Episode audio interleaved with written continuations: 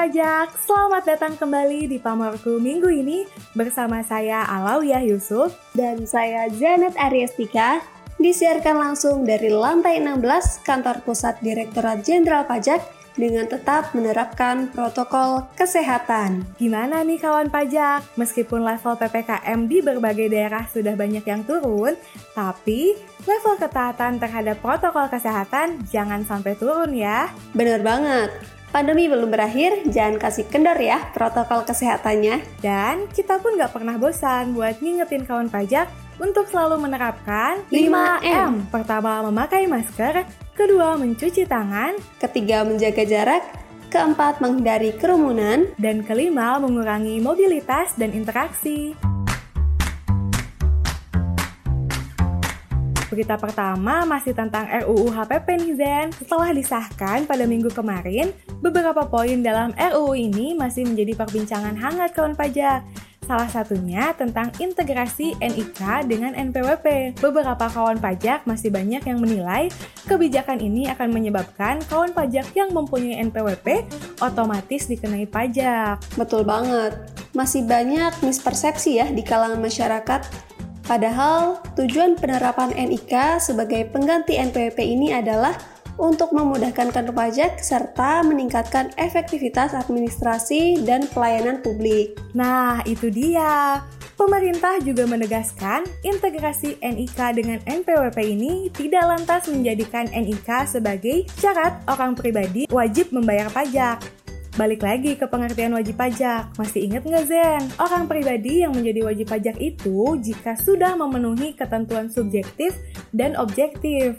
Nah, apa tuh Zen syarat subjektif dan objektifnya? Masih dong. Syarat subjektif itu dikatakan subjek pajak dalam negeri kalau tinggal di Indonesia lebih dari 183 hari dalam 12 bulan atau berniat tinggal di Indonesia. Kalau syarat objektif, jika orang pribadi ini memperoleh penghasilan yang melebihi penghasilan tidak kena pajak atau PTKP. Mantap! Nah, kalau kawan pajak udah memenuhi persyaratan subjektif, tapi penghasilannya belum di atas PTKP yaitu 54 juta rupiah, untuk yang belum menikah, maka tidak akan dikenai pajak penghasilan. Sip, jadi tercerahkan ya sekarang. Oh ya, menanggapi hal ini, Ketua DPR RI Puan Maharani meminta pemerintah untuk menjamin keamanan data pribadi masyarakat terkait integrasi NIK dan NPWP. Menurut beliau, kerahasiaan data dan informasi NIK harus menjadi prioritas karena kerahasiaan data pribadi merupakan hak rakyat yang harus dipenuhi negara. Setuju banget, pemerintah harus melakukan pengawasan yang ketat agar tidak ada pihak-pihak yang mengakses data warga untuk hal-hal yang tidak bertanggung jawab. Oke, kita lanjut ke berita selanjutnya ya. Masih seputar RUU HPP juga nih. Kabar gembira datang bagi para pelaku usaha mikro kecil atau UMK. Pasalnya, pelaku UMK pribadi dengan peredaran bruto atau omset per tahun 500 juta rupiah tidak lagi dikenakan pajak penghasilan. Wah, keren-keren. Ini baru wujud keberpihakan pemerintah untuk mendorong dan memberikan insentif kepada pelaku usaha mikro dan kecil. Eh, ini tuh konsepnya jadi mirip PTKP, tapi untuk kegiatan usaha gitu bukan sih Zen? Mirip sih. Aku jelasin pakai contoh nih biar lebih paham. Misal, pengusaha A punya omset 100 juta rupiah per bulan atau 1,2 miliar rupiah per tahun. Nah, sampai dengan omsetnya 500 juta, pengusaha A ini tidak dikenai pajak. Baru pada bulan ke-6 atau ketika omsetnya lebih dari 500 juta, pengusaha ini dikenai PPh final 0,5%. Wah, jadi tambah paham ya. Sekali lagi kita belajar PPh nih. Nah, Wakil Ketua Komisi 11 DPR RI, Bapak Fathan Subsi juga menilai kebijakan ini merupakan keputusan tepat di saat rakyat mencoba survive akibat dampak pandemi. Menurut beliau, adanya UU HPP ini menunjukkan pemerintah dan DPR mendengarkan aspirasi masyarakat. Setuju. Semoga dengan pengesahan RUU HPP ini, industri UMKM semakin tumbuh dan berkembang pesat. Eh, ada satu lagi nih, isu ramai dari RUU HPP ini. Yang tentang pajak karbon itu bukan Zen? Yo iya, pemerintah Indonesia menerapkan pajak karbon secara bertahap mulai 1 April 2022.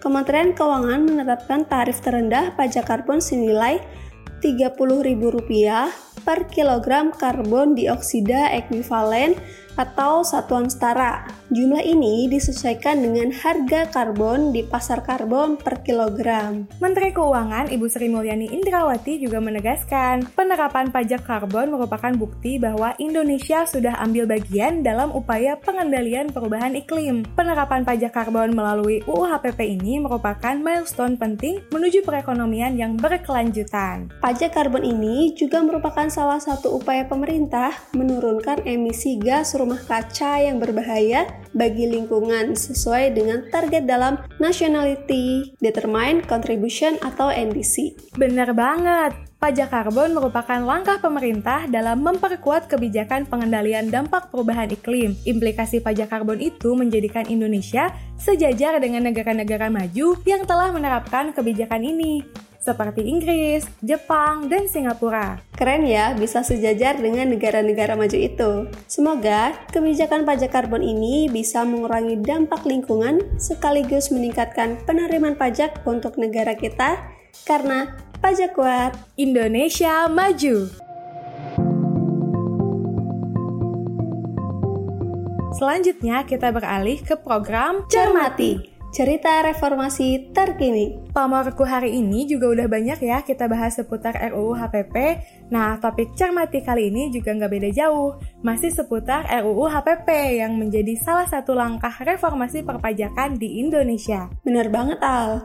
RUU HPP ini emang lagi jadi topik utama pemerintahan perpajakan. Sekarang kita bahas lagi untuk melengkapi kisah reformasi perpajakan dicermati kali Yap, ini. Langsung aja ya. RUU HPP atau Harmonisasi Peraturan Perpajakan ini berlandaskan enam asas, yaitu asas keadilan, kesederhanaan, efisiensi, kepastian hukum, kemanfaatan, dan kepentingan nasional. Kalau tujuan dari adanya perubahan dalam RUHPP ini apa aja, Al? Catet nih Zen, ada beberapa tujuan dalam disusunnya RUU HPP ini. Pertama, meningkatkan pertumbuhan dan mendukung percepatan pemulihan perekonomian. Kedua, mengoptimalkan penerimaan negara. Ketiga, mewujudkan sistem perpajakan yang berkeadilan dan berkepastian hukum. Melaksanakan reformasi administrasi, kebijakan perpajakan yang konsolidatif, dan perluasan basis pajak. Lalu kelima, meningkatkan kepatuhan sukarela wajib pajak. Semoga semua tujuannya bisa tercapai ya Al.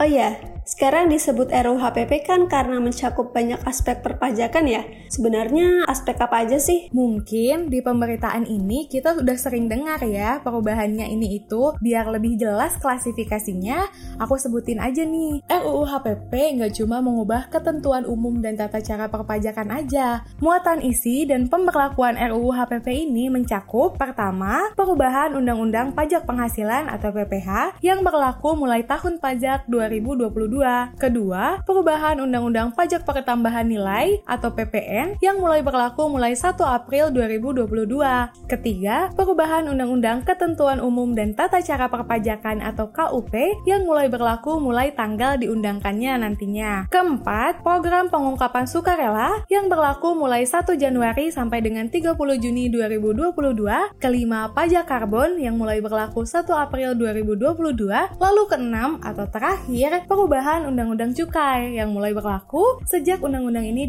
diundangkan. Jadi itu ya keenam muatan utama dalam RUU HPP harus belajar lagi nih ya seiring dengan adanya banyak perubahan dalam peraturan perpajakan. Iya dong, baik. Kita pun masyarakat seharusnya mau belajar dan membuka mata ya dengan perpajakan yang menjadi tulang punggung penerimaan negara. Kayak jargon kita tadi ya, agar pajak kuat Indonesia maju. Kita sudahi dulu ya pamorku dan cermati di minggu ini. Jangan sampai terlewat dengerin podcast kita setiap minggunya. Terima kasih kawan pajak sudah setia menantikan dan mendengarkan pamorku sampai akhir. Jangan khawatir karena kita akan update berita pajak dan reformasi perpajakan setiap minggu melalui Pamorku, podcast berita kesayangan kita semua. Sampai jumpa.